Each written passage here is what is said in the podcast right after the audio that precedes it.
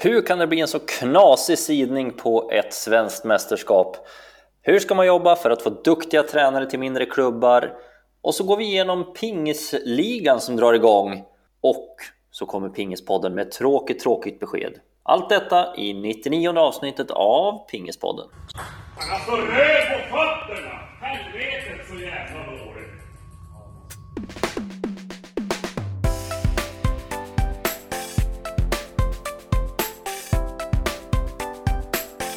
Hallå Nordberg uppe i de eh, Hälsingeskogarna, hur är läget? Tjena Pontus! Eh, jo tack! Eh, en halvtrött söndagkväll efter eh, en eh, helg av arbete. Eh, men eh, annars är jag kämpar på. Själv då? Jo men det låter väl rätt bra. Och med mig också är det bara bra tycker jag. Eh, en helg av ganska mycket lugn, lite paddel, eh, en löprunda, har haft min mamma på besök och eh, min syster med barn så att eh, det har ändå varit full fart hemma i hushållet men lugn på träningsfronten får man väl ändå säga. Mm. Är, det, är det en sån här helg av eh, att eh, ladda batteri, eh, ladda dina egna batterier eller hur klassar du en sån helg? Eh, kanske snarare tvärtom. Man det tömmer det det, tänkte sista om. man har. Ja, det var lite så jag tänkte. Om det var ladda batterier eller dra ut det sista. Ja, nej, men det har väl varit lite blandat. Man kan väl säga att fram till min syster åkte hem, då var det mer dra ur. Och, eh, men de åkte ganska tidigt på söndagen, så därefter har det varit lugnt och skönt och städat. Eh, Vi har haft en, en eh, dag i soffan kan man väl säga. Så Mm. att då har det varit mer ladda. Jaha, ja. Men Trevligt, du, trevligt. Ja, men du, du jobbar och står i ju. Hur, eh, hur funkar det där egentligen med jobb och kombinera jobb och eh, proffskarriär? Eh, det är väl, eh, det funkar ju bra för mig måste jag säga. Eh, det är lite jäktigt och det är massa planerande för att eh, få tid eh, för allt. Både på hemmaplan och på, i pingisarenan och på jobbet. Så det är mycket planerande och det är lite jäktigt ibland, men överlag så tycker jag väl att jag har fått att fungera väldigt bra. Mm. Men just det här jäktandet som du, som du nämner, det, det drar väl oss till det här tråkiga beskedet som vi ändå ska börja den här podden med Hampus. Ja, vi gör det. Vi, vi börjar med det. För avverkare är tråkigare alltså. Ja, det är väl lika bra. Eh, för det är nämligen så att Pingispodden har bestämt sig för att kasta in handduken. Eh, 99 programmet idag, 100 programmet nästa vecka och därefter släcker vi ner den här eten. Hampus, vad säger du om det egentligen? Uh, ja, uh, vad jag säger om det, det är ju trist på sitt sätt är det absolut. Det har varit väldigt, väldigt roligt att hålla på med det här och få dela 100 avsnitt uh, Eh, med dig Pontus och Johan Lundström till en början och eh, en hel drös av eh, välmeriterade gäster. Så det har varit en upplevelse och det har varit väldigt roligt och givande. Men som sagt, tiden räcker inte riktigt till så det får prioriteras ner från min sida i alla fall. Så känner jag. Hur känner du? Nej men det är, väl, det är väl som du säger, det har ju varit en, en lång och rolig resa. Det började ju för över två år sedan när vi började prata om det här. Eh, och eh, vi når väl inte riktigt upp i två års eh, kalas, men vi når upp i hundra avsnitt och bara det är ju väldigt mycket. Sen är det som du säger, det, det är tråkigt att det blir som det blir, men samtidigt så måste ju saker få ha sin gång och vi får prioritera ner det här, men jag hoppas att det finns ju många goda initiativ och vi har varit ett av dem i Ping i Sverige och, och det behövs för att hålla intresset igång på flera håll. Så att eh, därför har väl du och jag Hampus sagt att Pingispodden skulle kunna leva vidare ändå, utan våra röster. Vi hoppas väl innerligt att det kommer leva vidare. Eh, Sen är ju frågan om det gör det, men eh, vi hoppas i alla fall. Vi, vi låter möjligheten vara öppen. Ja, och, och den möjligheten vi pratar om är ju egentligen att den eller de som kommer in med ett seriöst förslag om hur man vill driva Pingispodden vidare kan ta över varumärke, kan ta över eh, ja, men Facebook-kanal. Vi lämnar helt enkelt över med varm hand hela varumärket och eh, 100 avsnitt. Ni får plattform och hela kalaset. Men som sagt, då ska det vara ett, eh, ett väldigt seriöst förslag. Ja, seriöst ska det vara, för vi tycker att vi har gjort det här väldigt bra och det har ju fått ganska bra spridning ändå inom pingiskretsar så den som har lust och eh, kunskap för att eh, fortsätta eh, med Pingispodden på ett seriöst sätt får ju en fin möjlighet här att höra av sig till oss så får ni som sagt ta del av allt vi har, allt ifrån jinglar till ja, vår logotyp till Facebookgrupp och allt som du nämnde. Ja, eh, och det vore ju kul och vi kan starta något för att sen skicka vidare. Så får någon annan köra 100 avsnitt kanske och, och skicka vidare igen. Eh, jag förstår att man inte orkar driva det ja, men hur länge som helst, men det vore ju kul om det överlevde. Absolut, så mm. det, det, hoppas vi på. Så är det någon som har några funderingar så tveka inte på att höra av er. Nej, ehm, så lite tråkigt Hampus, men också lite, lite goda besked i allt det tråkiga. Så kan vi väl sammanfatta det va? Ja, men du, än är det inte riktigt slut. Vi har ju det här avsnittet och vi har ett eh, hundrade jubileumsavsnitt, ett avslutsavsnitt. Vad ska vi fylla det med? Jag kan ju tycka att vi kör det som ett litet eh, typ önskeavsnitt. Är det någon som eh, vill ha något speciellt? Eh, antingen peppra oss med massa känsliga frågor eller, ja inte vet jag, valfritt. Ja, en valfri gäst kanske? Ja, absolut. Det, mm. Ni, ni, får komma med förslag. Pontus, vad skulle du kunna tänka dig? Jag har ju sett framför mig att man ska klippa in det Ja men lite som eh, Agnetas nyårskarameller, man tar det bästa, poppen av, toppen av poppen helt enkelt och klipper ihop det. Eh, men, eh, men är det någon som vill se något helt annat? Man vill ställa frågor, man vill ha en annan gäst, man vill, jag vet inte, ha Magos spellister i liksom bara. ja, då kan man få det också. Ja, Nej, bara fantasin sätter gränser. Mm. Eh, helt klart är det så. Vi kanske ska göra det som ett eh, liksom så här, Hampus Norberg sommarprat i P1. Du får välja musik och du får ta din berättelse från A till Ö. Ja, det hade ju faktiskt varit lite kul. Ja, ja det finns många bra idéer och kolla nu känns det som att vi har ju många idéer till ett avsnitt bara så att den som hakar på här kanske, kanske har tio, tio avsnitt bara klart. Ja, precis. Nej, det hade, hade man bara haft eh, mer tid och eh, kanske en som eh, var kunnig på att klippa väldigt bra och sånt där. Det finns eh, många vettiga idéer som man skulle kunna tänka att kopiera eh, Erik Nivas eh, podd om eh, gamla klassiska fotbollssäsonger och lag och sånt där.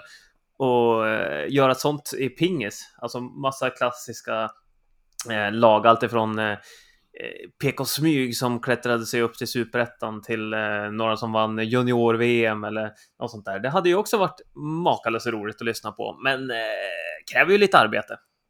Ja, det kräver ju sin research. Eh, har du något lag sådär som du skulle vilja verkligen lyssna på? Vilket är ditt favoritlag? Något sånt här riktigt mystik som du vill veta om?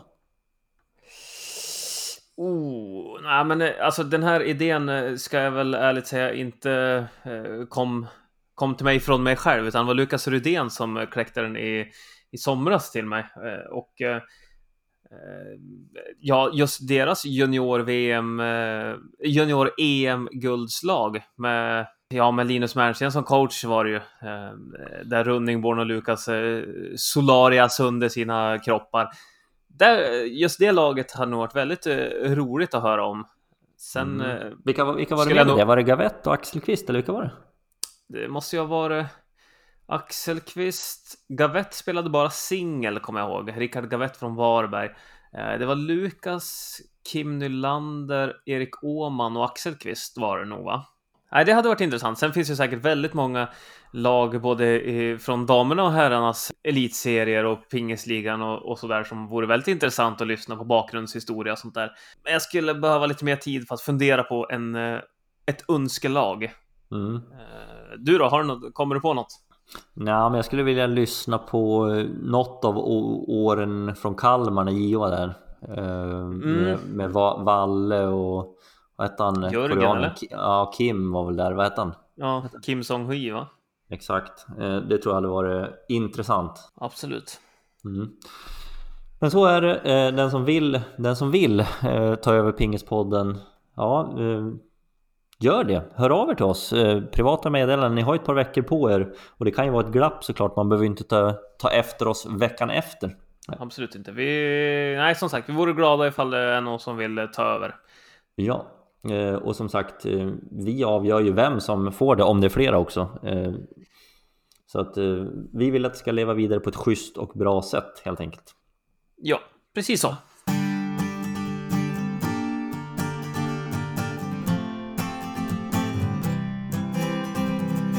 Hörde du, nu släpper vi det där tråkiga Hampus och så pratar vi om lite mer roliga saker. Och vad är då det? Ja men det har ju varit ett eh, ungdoms-SM i helgen.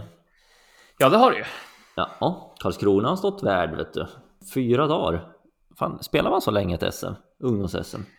Uh, det känns som att det brukar vara kortare. Tre dagar brukar det vara va? Men uh, ja, de drog ut det på fyra dagar.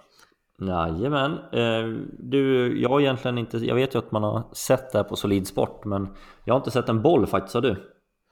Nej, det har jag inte. Eh, som sagt har arbetat nästan hela helgen så jag, nej, det har jag inte. Nej, men eh, vi, vi, får väl göra så att vi gratulerar åtminstone vinnarna. Eh, och vi kan väl dra dem snabbt. Flicka 14 Nina Johansson från Nevra Jöls BK. Eh, pojkar 14 Isak Alfredsson, Halmstad BTK. Liten skräll får man nog säga. Eh, Damjuniorer 17 Rebecca Tveit Muskantor från Eslöv, mindre skräll. Eh, Herrjuniorer 17 Martin Fries från spåret, också en eh, betydligt mindre skräll. Eh, men det är väl kanske inte vinnarna som ändå står i fokus under det här mästerskapet, Hampus? Nej, det, jag, jag förstår vart du är på väg. Absolut. Så fortsätt med det då. Ja, nej men man får väl ändå...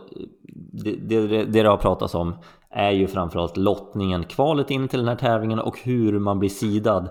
Eh, för om man tittar exempelvis då på ja, men Martin Fries, eh, vinnare i herrjunior 17, högst Sverige-rankning av alla, sidad på senior-SM, men inte sidad i herrjunior 17. Hampus, hur fan är det möjligt? Eh, ja, det är eh, kort och gott väldigt, väldigt märkligt och eh, inte okej. Okay. Eh, säg som du sa här precis innan vi satte igång den här inspelningen att det, det är ju en tankevurpa i ja, i planerandet och utformningen av den här tävlingen. Eh, jag, jag kan först, vi kan väl dra reglerna att eh, de sidas efter resultaten i de tidigare tävlingarna. Ja, och inte tidigare, genom Sverige-ranking. Ja, precis. Är, i, I de tidigare kvaltävlingarna är det väl till SM och ju fler man spelar desto större chans har man att bli rankad och sidad högt. Jag förstår, jag förstår förbundets tanke att eh, det ska gynna att eh, tävla så mycket som möjligt. Man vill ju att eh, spelare ska tävla och det är helt rätt. I grunden tycker jag att det är en bra tanke. Men det har ju blivit knas helt enkelt. Det, det måste gå att hitta något mellanting för eh, så här, så här får det inte vara. Nej, och, och det som blir knas det är väl egentligen att de högst sidade spelarna, de som är kanske är allra bäst eh, prioriterar ju inte de här ungdomstävlingarna för att komma med på ett SM. Eh, vi såg ju inför SM i Söderhamn 20-års-SM där så var ju Truls och Stina Kjellberg inte ens kvalificerade och då är de ju landslagsspelare och kanske favoriter till att ja, men, ta hem senior eller åtminstone med och slåss om det. Och de är inte ens kvalificerade och samma blir det ju här om man tittar på Ja men kolla Martin Fries, inte gör han så många tävlingar för att kvalificera sig till 17 SM. Och det är ju inte egentligen Martin Fries det drabbar att han inte är sidad för att eh, han skulle ju rimligtvis och gjorde det slå sig igenom det här ändå och vinna. Eh, de det blir riktigt synd om det är de här som ligger 3, 4, 5 som, som åker på Martin Fries i en första omgång kanske eller en andra omgång och åker ut och missar sin chans till medalj. Jag förstår din tanke där också, att eh, det blir knas för dem som får eh, Martin Fris direkt sådär. Eh, men på ett, ja, jag är lite tudelad. Jag, jag tycker att det, ändå att det är en god tanke, för alla vet ju om reglerna också. Så det är bara att åka ut och tävla så som man bör göra. Ut och spela matcher, det är svårare att bli en bra fingerspelare. Men... Jo, absolut, men, ja. men, men så länge inte de bästa gör det för att de prioriterar annat. De kanske är på ett, eh, ett läger, de kanske är utomlands och tävlar, de kanske spelar i, i pingisligan eller de kanske spelar, ja men du vet. Eh, då är det klart att då prioriterar man bort vissa tävlingar och det blir ju de tävlingarna som kanske ger minst.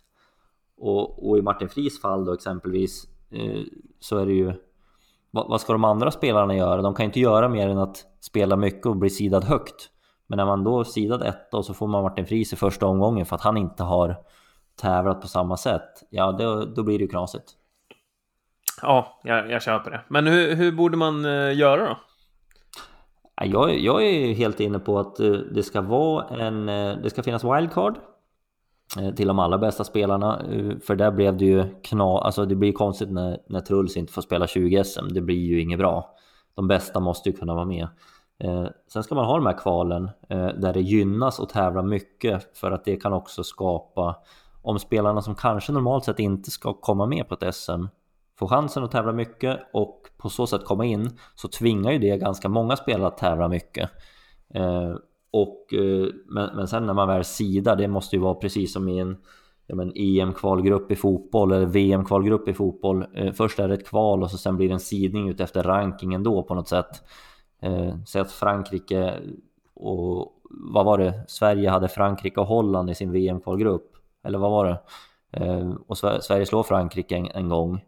Eh, men vi kan ju inte bli sidad före Frankrike i VM ändå, för det skulle bli helt knas. Det kan ju ge fyra afrikanska länder liksom i samma grupp. Nej, det, det, blir knasigt. Man måste göra någon, någon typ efter lottning.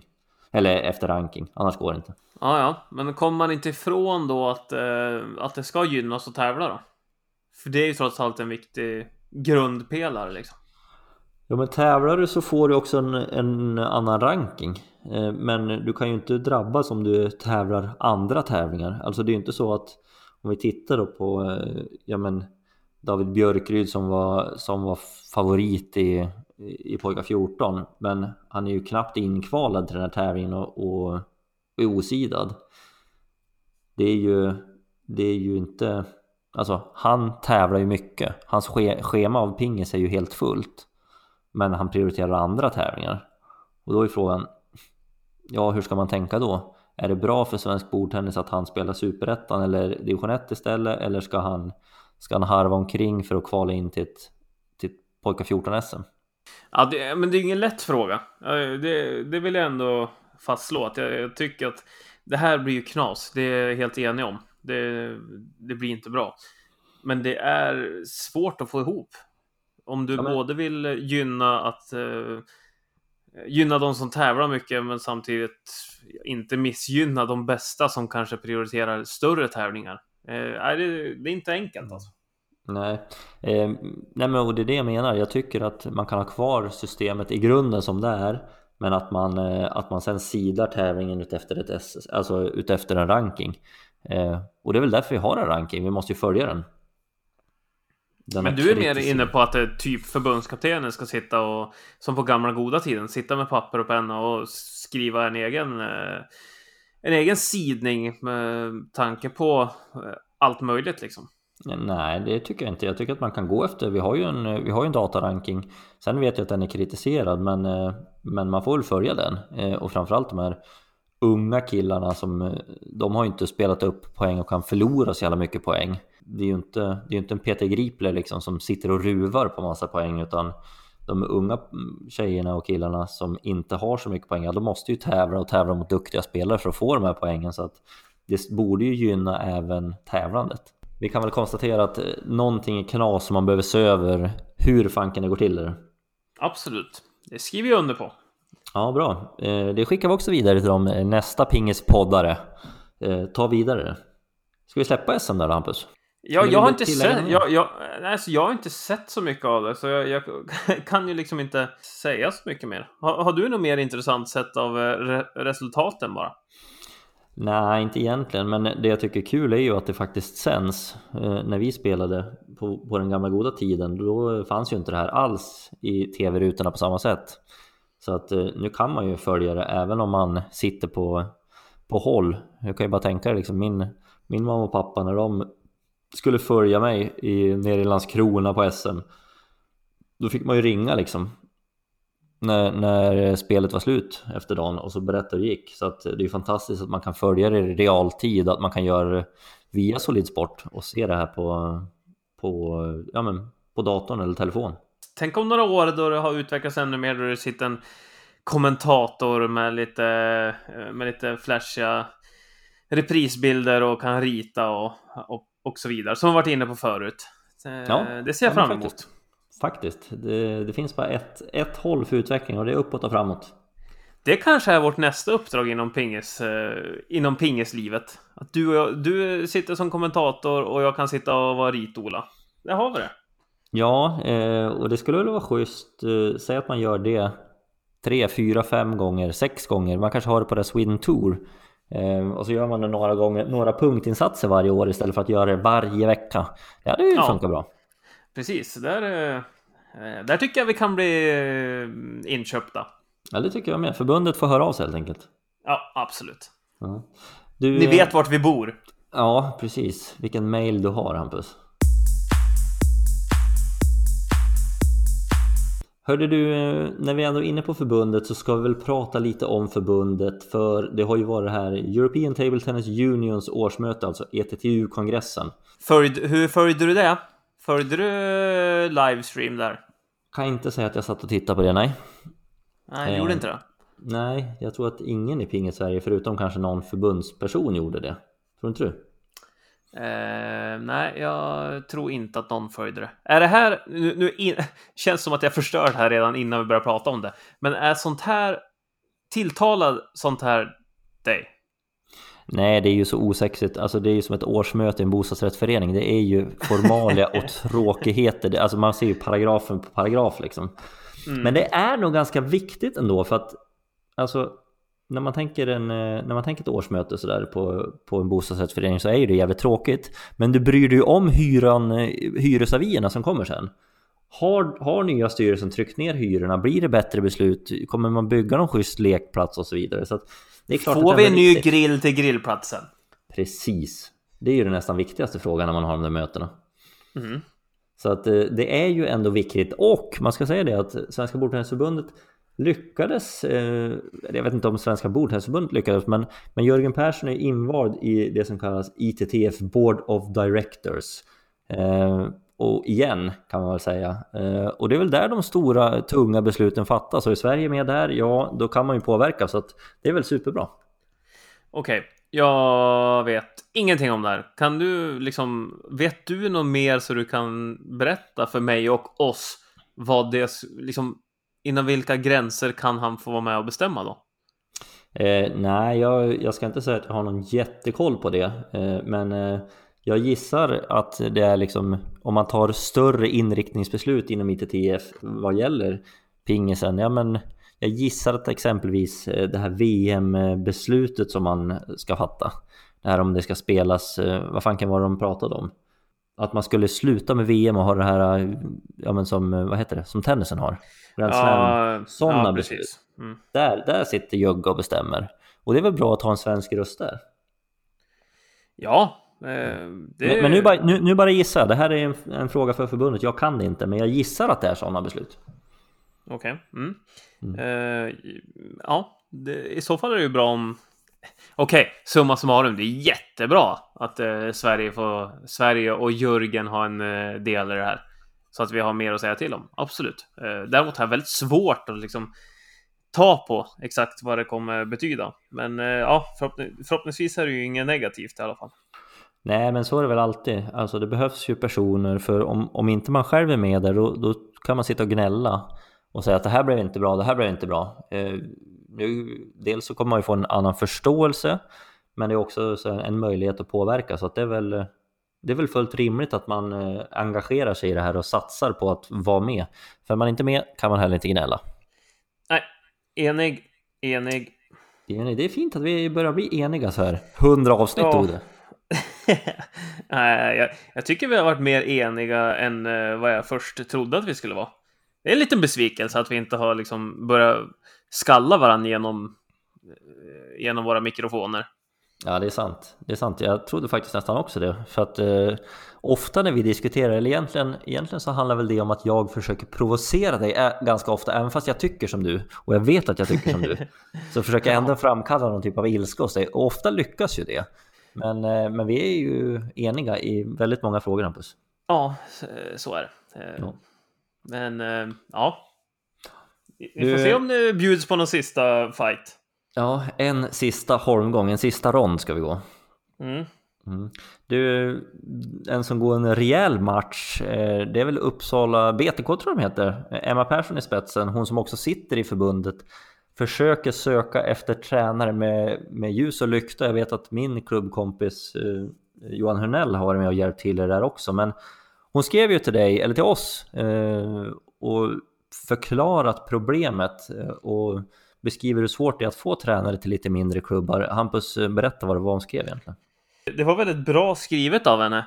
Eh, hade, hon hade plitat ner två och en halv A4 angående det här och att hon hade gjort undersökningar och grejer. Vä väldigt eh, bra skrivet måste jag säga, Emma. Det var eh, väldigt intressant att, att läsa. Eh, och vad hon skrev, ja, det var ganska mycket det. Vad vill du veta? nej, men jag, nej, men jag vill veta vad kärnan egentligen var. Hon, hon, eh, som jag har förstått det så beskriver hon ju problemet i att få tränare till, eh, till mindre klubbar, vad mindre klubbar behöver göra, vad man behöver betala och så vidare. Men vad är kärnan i det hon faktiskt levererade? Nej, men att eh, det är att i deras klubb och i övriga Sverige så är det väldigt svårt att få tag på kunniga och ja, bra personer som vill vara tränare under en längre tid och kanske inte bara under några ungdomsår då ja, innan man skaffar ett riktigt jobb om man säger så, utan eh, att eh, få bra folk in i pingisen. Och det är ju väldigt viktigt givetvis. Det liksom låter ju enkelt att säga så, men det, det är fruktansvärt viktigt för pingisens framtid vad vi får för ledare. För utan bra ledare så blir det ju varken många spelare eller bra spelare. Nej, eh, så, hon, ja, eh, så hon, eh, hon skrev lite om hur deras klubb har växt men har svårt att få tag på tränare som, ja, som jag nyss berättade. Och eh, väldigt intressant att hon hade, hon skriver att hon har gjort en miniundersökning gällande hur, hur tränare arbetar, vad de tjänar och så i, inom svensk pingis. Hur mycket är det? Vad kan man, eh, om man eh, känner att man faktiskt vill bli tränare, vad kan man förvänta sig då? Ja, hon skriver att lönerna som hon har fått reda på då, jag förutsätter att eh, Emma har gjort en bra undersökning här och att det inte är något något konstigt med det. Det litar jag fullt på. Men hon skriver att det är mellan 18 till 32 000 i månaden för en hundraprocentig tjänst. Men då ska man ha i åtanke att det ofta är fyra, fem kvällar i veckan och eh, ja, de flesta helgerna varje månad. Så det är ju, det är ju inklusive OB-tillägg kan man ju säga. Ja, sen är ju frågan, för jag gissar att det där är en bruttolön. Det ska betalas lite skatt och så på det. Givetvis, det, ja. så ska det vara. Ja, men, men och det är väl just det där du nämner nu med tider. Förutom att det är ju ett påfrestande jobb, du, du kräver kunskap som inte alla besitter och man kanske bör ha varit spelare själv på någon typ av nivå och ha ett stort intresse. Man ska vilja ja, men hänga med barn, ha en pedagogisk förmåga. Men, men sen kräver det också eh, de här tiderna som du säger. Det är ju, det är ju inte bara att, att kliva in och, och ha det som ett 7 4 jobb utan det är ju verkligen stenhårt jobb varje kväll och varje helg.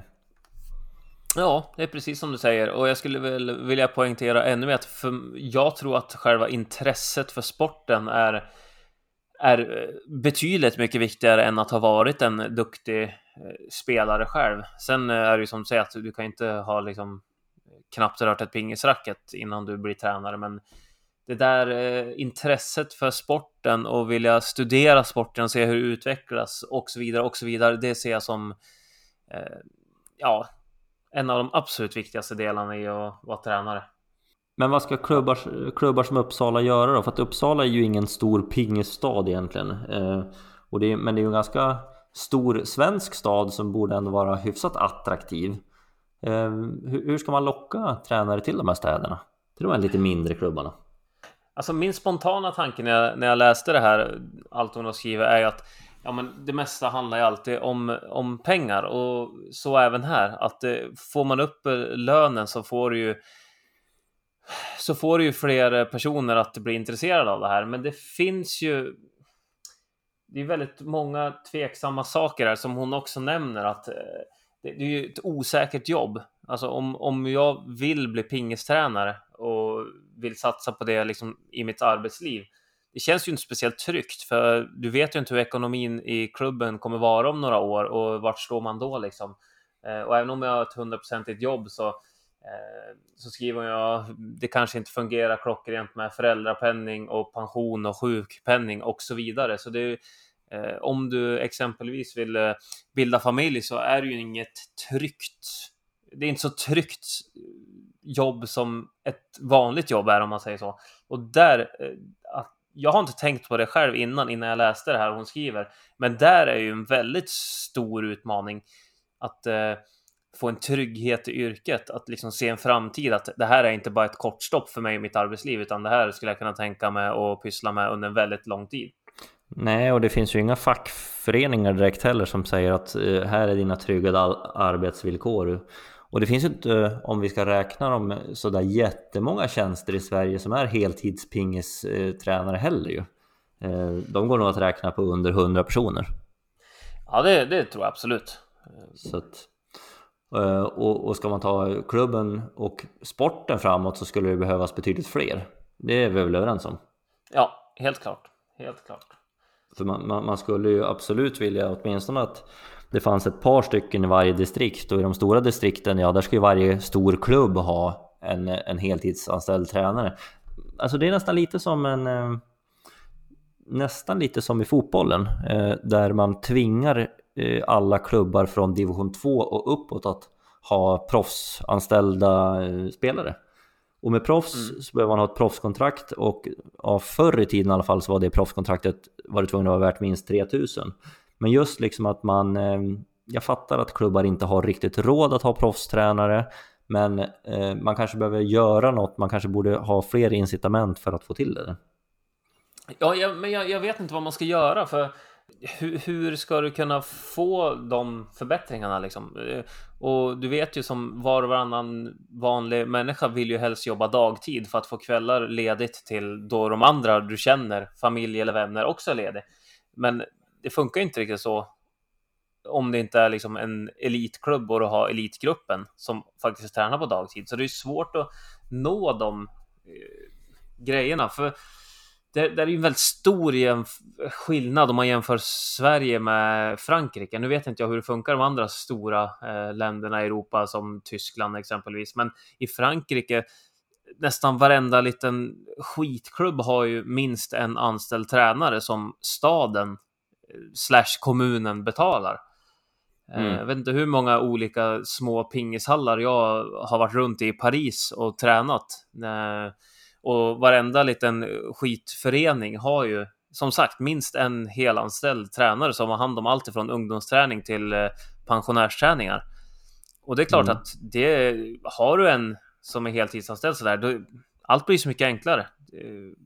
Som en person som jagar in folk och en trygg person som kan bygga upp en nybörjargrupp till en bättre grupp, bla bla bla. En ruljans det är hyfsat mycket enklare om du har en sån heltidsanställd än att du går runt på tre, fyra, fem, sex olika tränare som eh, jobbar var tredje kväll bara. Alltså det, det säger sig självt att då är det mycket, en mycket större utmaning att få koll på klubben.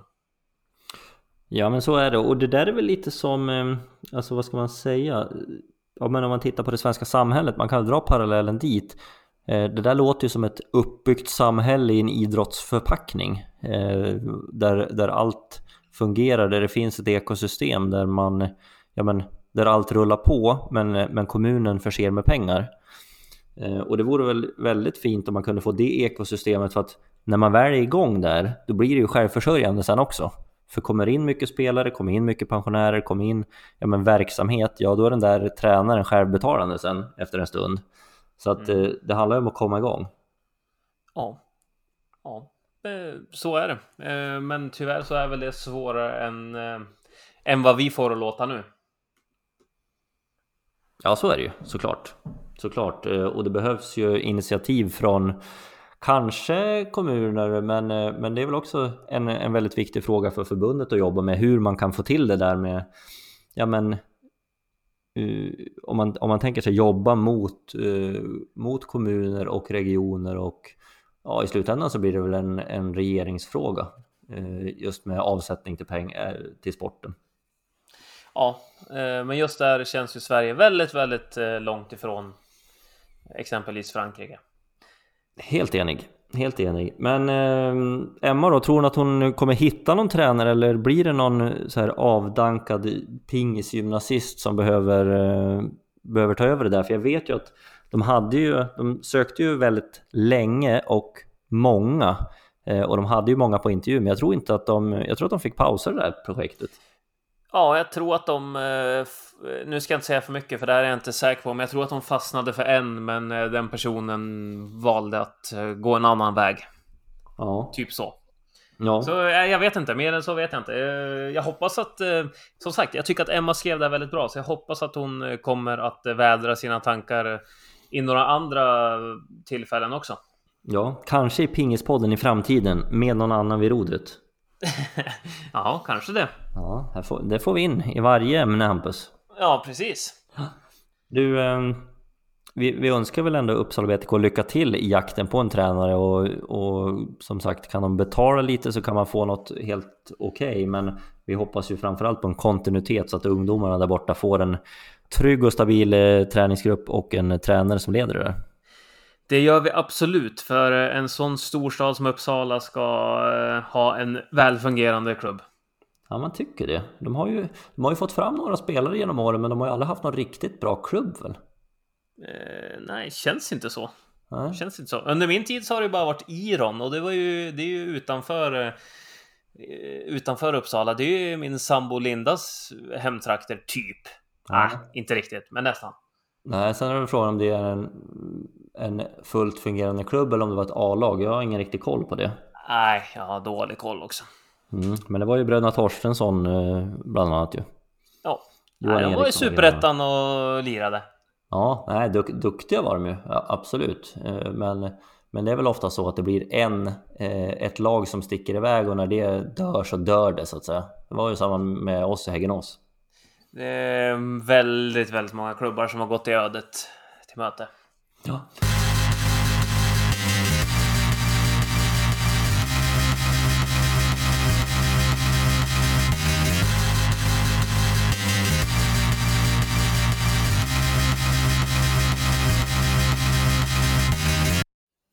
Hampus, vi kan väl heller inte undgå att prata om eh, pingisligan i det här 99 avsnittet. Vårat näst sista, vi kommer inte följa det här. Men eh, vi kan åtminstone prata om starten. Det kör igång eh, idag va? Precis så är det. Och det är väl lika bra att gå igenom vad vi tror och tänker och tycker om de olika lagen och vilka som står som segrar och vilka som åker ur och så vidare. Mm, vi har gjort det här några gånger nu och jag, jag, känner att jag har väl varit rätt på det varje gång och du lite mindre rätt på det va? eh, nej, jag skulle nog snarare säga tvärtom. Jaha. Ja, ja. Jag försökte i alla fall. Men ja, eh, precis. vi kan väl gå igenom eh, lagen, för det är ju den gamla vanliga uppsättningen höll jag på att säga, med ett undantag. Eh, och det är Lyckeby. Mm, det var kul att ha dem tillbaka. Ja, eh, eller hur? Det var en klassisk förening som eh, absolut eh, passar in i pingisligan. Ja, exakt. Men du, vi tar dem väl från början, eller från början och från början, men vi tar väl i tur och ordning och vi börjar med regerande mästarna Eslöv, där eh, Nandor Ekseki har försvunnit. Eh, och så gör man nyförvärvet i gamla trogna Mattias Översjö. Ja, och eh, rent spontant så där så känns det väl, eh, väl ganska jämnbördiga Översjö och Exeke. Jag skulle väl ändå säga att Exeke har en högre högsta nivå, men eh, eh, lite oklar på hur, eh, hur Mattias Översjös egna pingiskarriär ser ut just nu, hur mycket han tränar och så vidare. Men att han ska vara en bra spelare i den här ligan, det råder väl inget tvivel om. Så ja, som vanligt så är väl Eslöv eh, riktigt vassa. Ja, och när vi säger att de är favoriter så, så ska vi betona att de har kvar Truls, de har kvar Satoshi Aida, de har kvar eh, Daniel Koshiba och det är väl kanske de tre som ska göra ett slutspel får man väl tro. Ja, eller Översjö istället för Kosiba då kanske. Eh, sen är det väl intressant att eh, säga att det var, som jag fattar i alla fall, så var det inte helt klart att eh, Satoshi Aida skulle komma tillbaka. Eh, om det berodde på Eslöv eller på Aida själv, eh, högst oklart, men eh, det var, var väl först eh, så här, sista veckorna som det blev klart att han eh, faktiskt skulle komma tillbaka. Eh, och det, det är väl bra för, för Pingisliga-publiken i alla fall, om vi nu får ha en sån till slut. För det är ju en sevärd spelare. Verkligen. En, både, både stabilt träffande och ganska hårt slående också när han är på det humöret. Absolut. Så rent publikmässigt är ju Eslöv riktigt roligt att titta på. Översjö blir det alltid många bra dueller. Truls är ju Truls och sen eh, Aida eh, är rolig att se på. Ja, så är det väl. Eh, du, vi går över till Falkenberg som har gjort men, en hel del förändringar och den kanske allra tydligaste är väl på tränarbänken där eh, Stories har försvunnit. Ja, eh, jag ska väl dra min slutsats efter att vi har gått igenom truppen kanske. Eh, och det är ju Ancho, gamla trogna, kämpa på. Eh, sen har de värvat in eh, unga lovande Charlie Widing och ja, Elliot Norling står ju med i papperna, men eh, det är svårt att tro att han är tilltänkt en startspelare.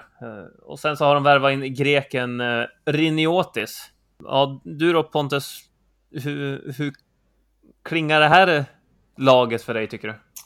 Nej, men eh, om man tittar på tappen de har gjort med både Paddan och Alexander Fransén och, och i viss mån eh, Guillermo Martinez också så, så är det ju ett Ja, men det är ju i princip en helt ny trupp eh, förutom Ancho. Eh, och Ancho börjar bli till åren får vi väl ändå säga, även om gubben levererar eh, på hög nivå. Men eh, han är ju 46 nu så att Mm, eh, nu har jag inte riktigt koll på, på greken, men jag tror att Charlie Widing är något år för tidigt ute. Han har ju gjort en snabb kometkarriär, men när man ska upp i pingisligan, ja det är något helt annat det.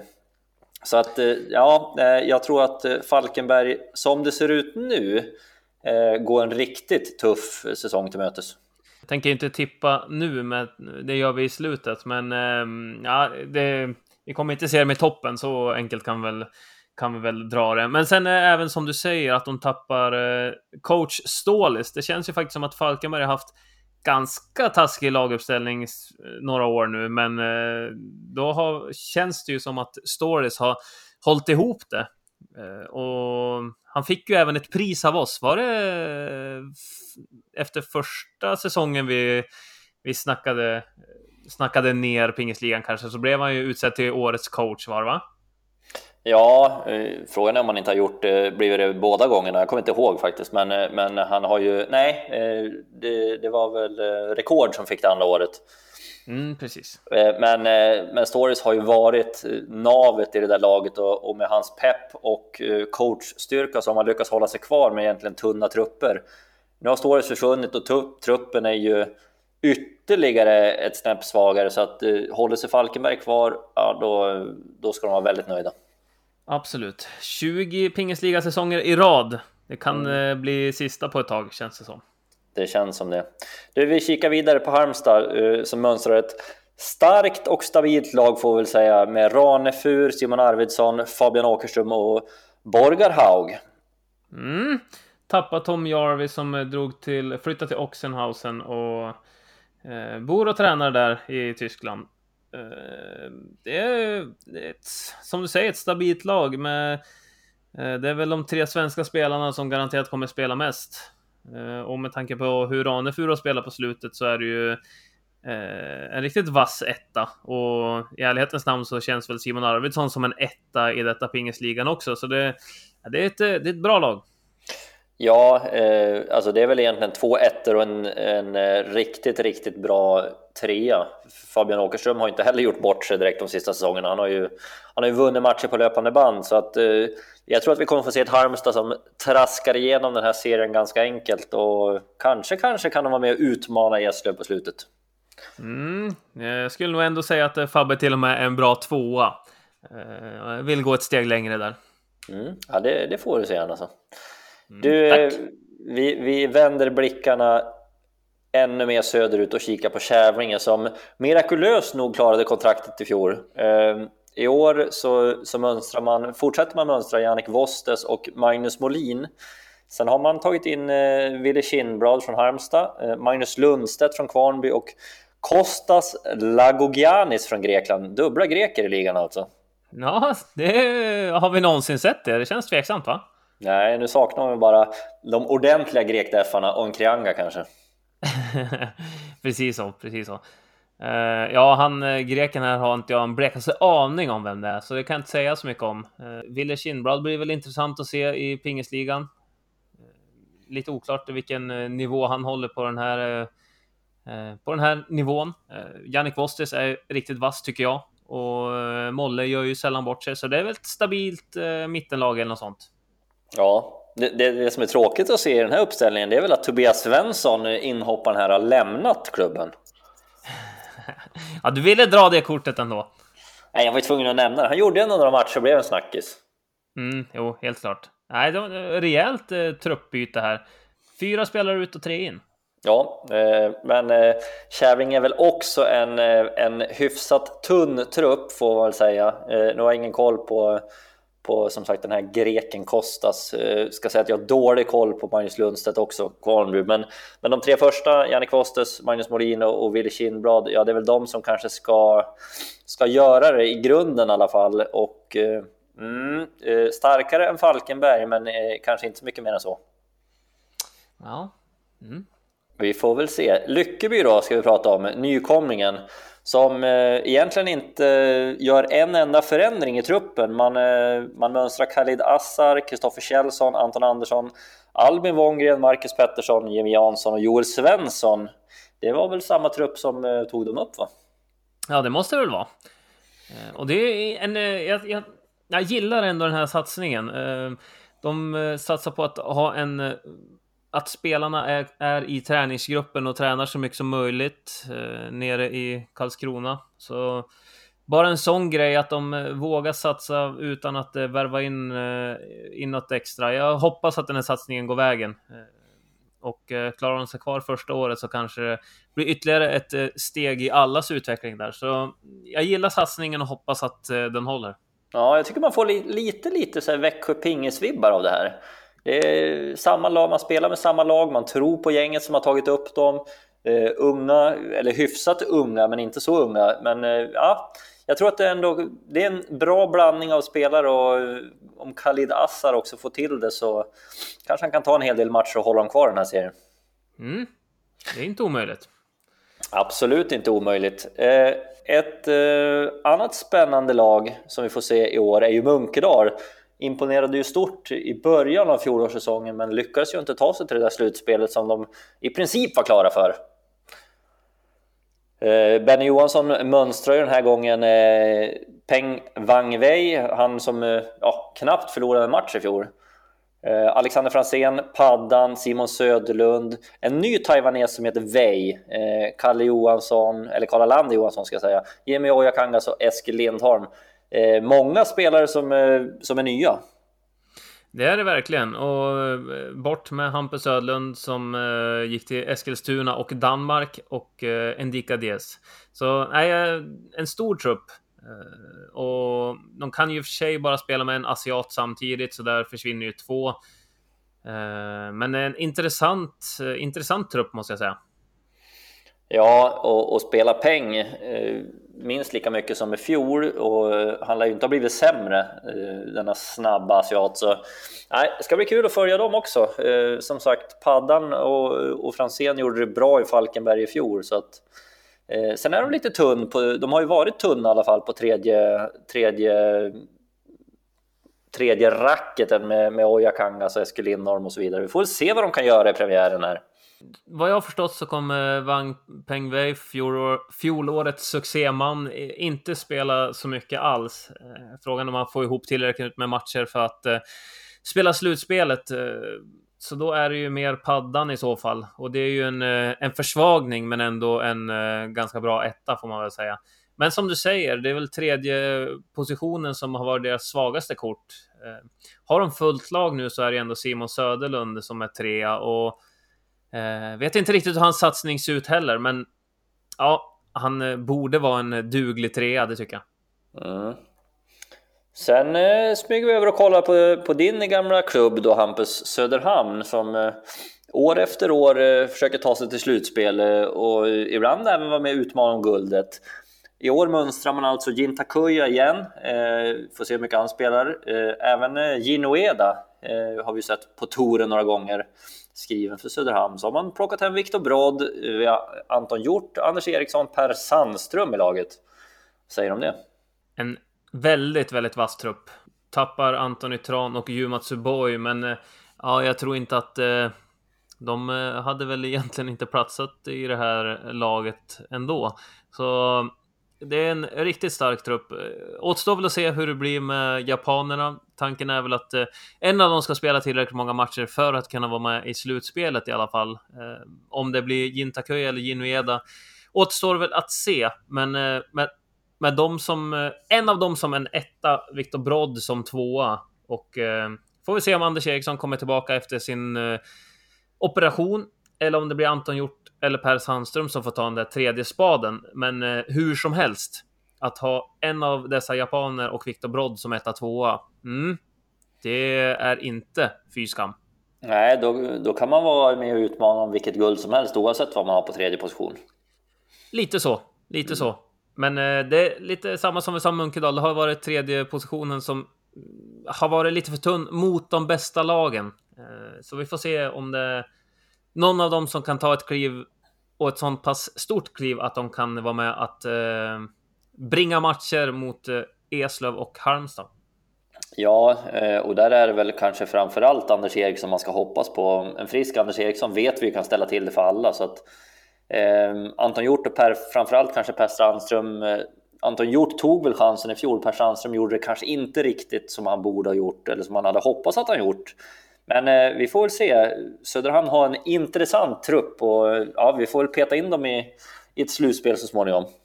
Det är jag helt övertygad om. Och sen kan vi även lägga till Jonathan McDonald som finns där bakom som, ja, som flåsar eh, Anton Hjort, Anders Eriksson och Per Sandström i nacken. Så han vill nog vara med och eh, kämpa om en plats också. Helt övertygad. Eh, sista laget ut, spårvägen, eh, som eh, Mikael Appelgren ska rodda i. Eh, Harald Andersson är kvar, Antoni Tran ny från Söderhamn, Martin Fries eh, kvar, Xiao Tianming är också kvar mm. och Uh, Alper Bejan Sali. Vad säger du om det laget? Mm. Ja du, vem den där Alper Bejan Sali är, det vet jag icke. Eh, men eh, nog borde de här vara vassare än förra året, det tycker jag. Förra året när de, ja, det, de hade det tufft där och det var väl deras eh, väldigt fina vår som räddade dem kvar i pingisligan överhuvudtaget, för det såg mer eller mindre kört ut ett tag. Ja, det var ju nattsvart. Eh, Harald Andersson lyckas ju inte vinna en match, trots att han kändes ganska bra spelmässigt. Men på våren, då skruvade han upp det där ytterligare och, och var ju riktigt bra på slutet. Absolut, och kan han komma upp i det nu direkt från start så ja, eh, kanske kan vara med och smyga på en slutspelsplats. Mm. Uh, juniorvinnaren Martin Fries, vad tror du om honom i år? Hade varit kul att se om han eh, kan ta chansen ordentligt över en hel säsong nu. Det börjar väl eh, bli dags tycker jag. Så jag hoppas att han, eh, att han tar för sig lite bättre över en längre tid än vad han har gjort förut. Mm. Och så sen har vi ju Schaffer som har slutat, Loso som har slutat, som gjorde lite av stommen i det här laget i fjol. Jag tror att Antoni Tran kan fylla den platsen. Det tror jag. Återstår att se hur han tar eh, omställningen från Söderhamn tillbaka till Stockholm. Eh, det får se. Det är lite annorlunda med träning och så vidare. Eh, sen vill jag bara påpeka att som du sa, Sebastian Los har inte slutat utan han har, ska spela i Rumänien. Jaha, ja, jag tänkte mest på att det var Schaffer som hade slutat. Jag kanske sa fel där. Ja, så kan det gå ibland. Ja, Hampus, ska vi tippa det här då?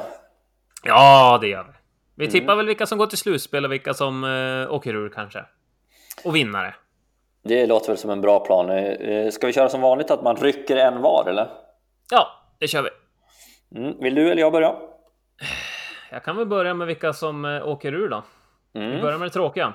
Mm. Och vi har redan varit inne på det och jag ser inte så många ljuspunkter i Falkenberg. Det är om eh, den här greken Riniotis gör en supersäsong eller Ancho får nya krafter. Men nej, jag tror att framförallt tappet av stories gör att har ingen som riktigt håller ihop truppen. Så nej, de eh, åker ur. Jag är ju inne på din inslagna linje där. Jag tror att Falkenberg får det väldigt tufft. Frågan är ju vilka som ska kämpa med dem i botten. Ja du. Nej, de, de, de, är väl kanske, kanske ganska klara där nere. Eh, sen får vi se vad Lyckeby och Kävlinge kan, eh, kan åstadkomma. Men nej, Falkenberg. Det blir nog respass för Falkenberg nog. Ja, då, nej, då säger vi så. Vi säger så. Eh, mm. Blir det inga nyförvärv eh, och de får in några ordentliga förstärkningar i jul där, då, då blir det tufft. Ja, det blir det. Vi går över till fjärdeplatsen då. Vilka går till slutspel, men blir fyra? Eh, oj, kan vi inte börja uppifrån så man får lite koll på vad, man tänker på? ja, Okej, okay. vilka vinner serien? Jag tror att Halmstad vinner serien. Okej. Okay. Eh, och, det, och det tror jag egentligen mest på att de är, de är ett tryggt och stabilt lag. Ingen gör bort sig. Elias Ranefur kan slappna av. Eh, Simon Arvidsson är en bra etta. Fabbe som du säger, en, nästan en bra tvåa. Får se hur mycket man spelar med Borgar Haug. Man kanske petar in honom och då... Ja, nej, jag tror ändå att, att Halmstad vinner serien i år igen. Ja, eh, jag går på Eslöv.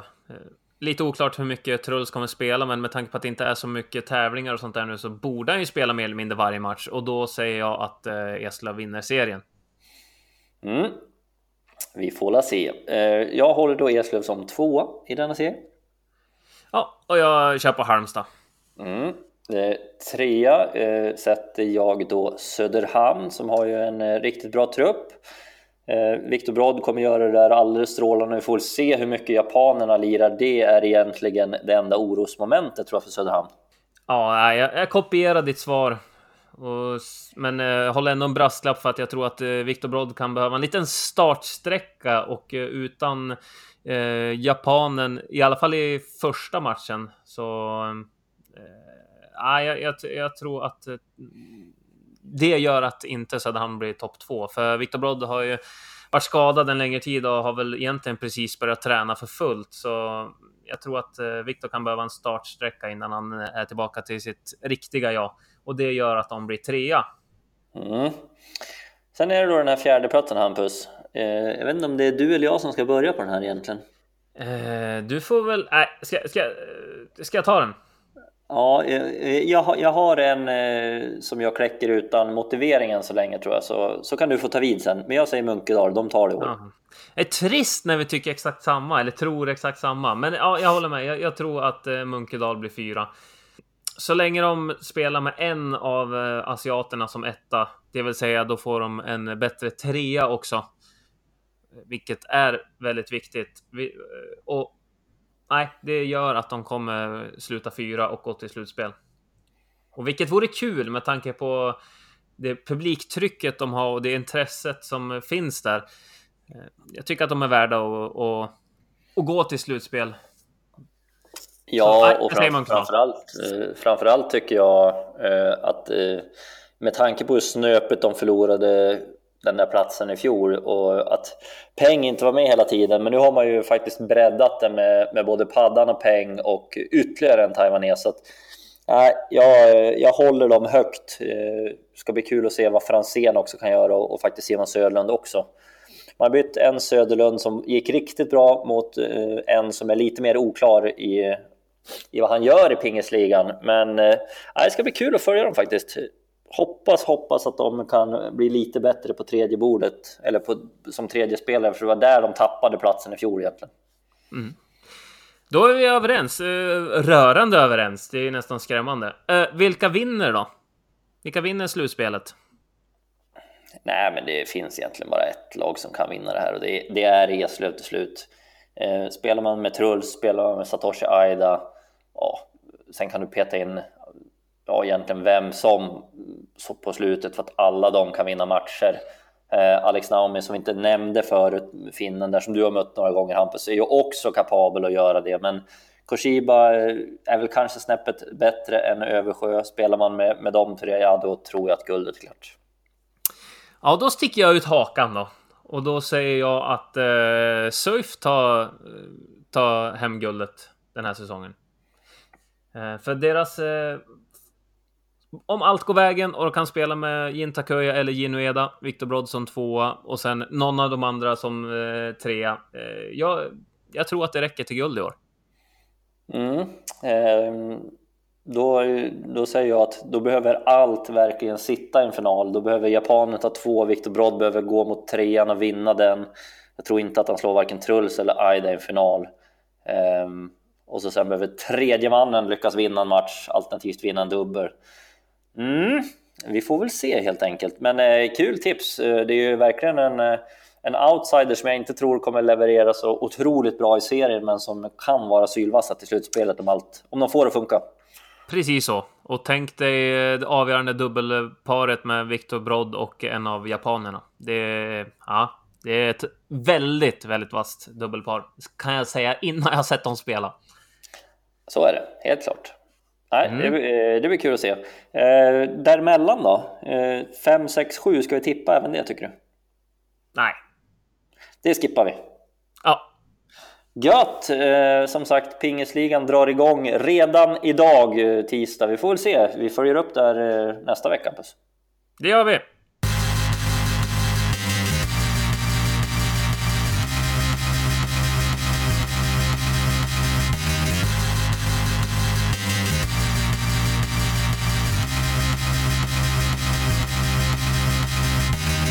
Du Hampus, eh, jag vet inte om vi har så mycket mer att säga för i afton. Ska vi stänga den här 99 podden? Vi gör väl det. Och ja. ladda för ett sista avsnitt. Eh, och det kanske kommer bli lite längre än 37-38 minuter. För då kanske vi drar till med ett eh, riktigt rejält avsnitt för att avsluta på topp. Ja, vi får väl hoppas med det i alla fall. Men som sagt, hör av er om ni vill ta över Pingispodden vi ser ju gärna många olika förslag Hampus, så att vi får plocka russinen ur kakan. Det hade varit mysigt, sitta där och ha betygssättning. Jajamän. Men du, det får bli nästa veckas bekymmer och problem. Eh, nu säger vi trevlig tisdag på er. Ja, trevlig tisdag och eh, på återhörande nästa vecka. På återhörande.